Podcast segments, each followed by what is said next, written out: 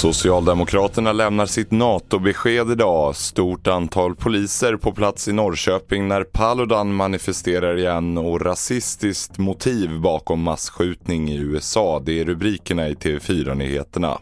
Vi börjar med Sveriges eventuella NATO-medlemskap där det sent igår kväll var fortsatt hårda tongångar från Turkiet vid NATO-mötet i Berlin. Landet vill inte släppa in Sverige och Finland i alliansen. Vi hör Mellanöstern-korrespondent Therese Kristiansson på plats i Istanbul. De vill alltså förmodligen i första hand utnyttja situationen och driva den här frågan framförallt vad gäller YPG i Syrien eh, som de ju hela tiden har menat är samma sak som PKK men ju som de stora delar av omvärlden eh, nekar till och har goda relationer med YPG och det är det de vill framföra återigen eh, att de för ett krig mot, mot dem. Och senare idag ger Socialdemokraterna sitt besked i NATO-frågan vilket blir avgörande för om Sverige ska skicka in en ansökan.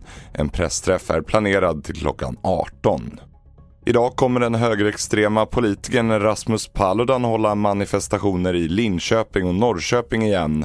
Paludan ska stå på Gamla torget i Norrköping mellan klockan 11 och 13 och på Lilla torget i Linköping 16 till 18 när dessa platser har bedömts som lämpliga ur ett säkerhetsperspektiv enligt polisen. Polisen meddelade för drygt en timme sedan att ett stort antal patruller finns på plats vid Gamla torget och runt om i Norrköping och att inga ordningsstörningar hittills har rapporterats. Tio personer dödades i en massskjutning vid en matbutik i Buffalo igår kväll svensk tid. En 18-årig man har gripits misstänkt för dådet som han ska ha direktsänt på spelplattformen Twitch.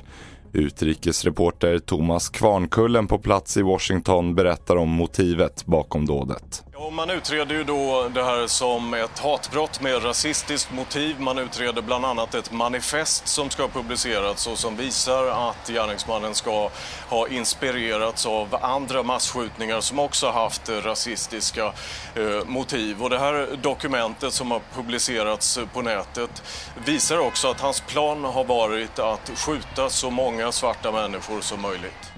Fler nyheter finns på tv4.se. Jag heter William Grönlund.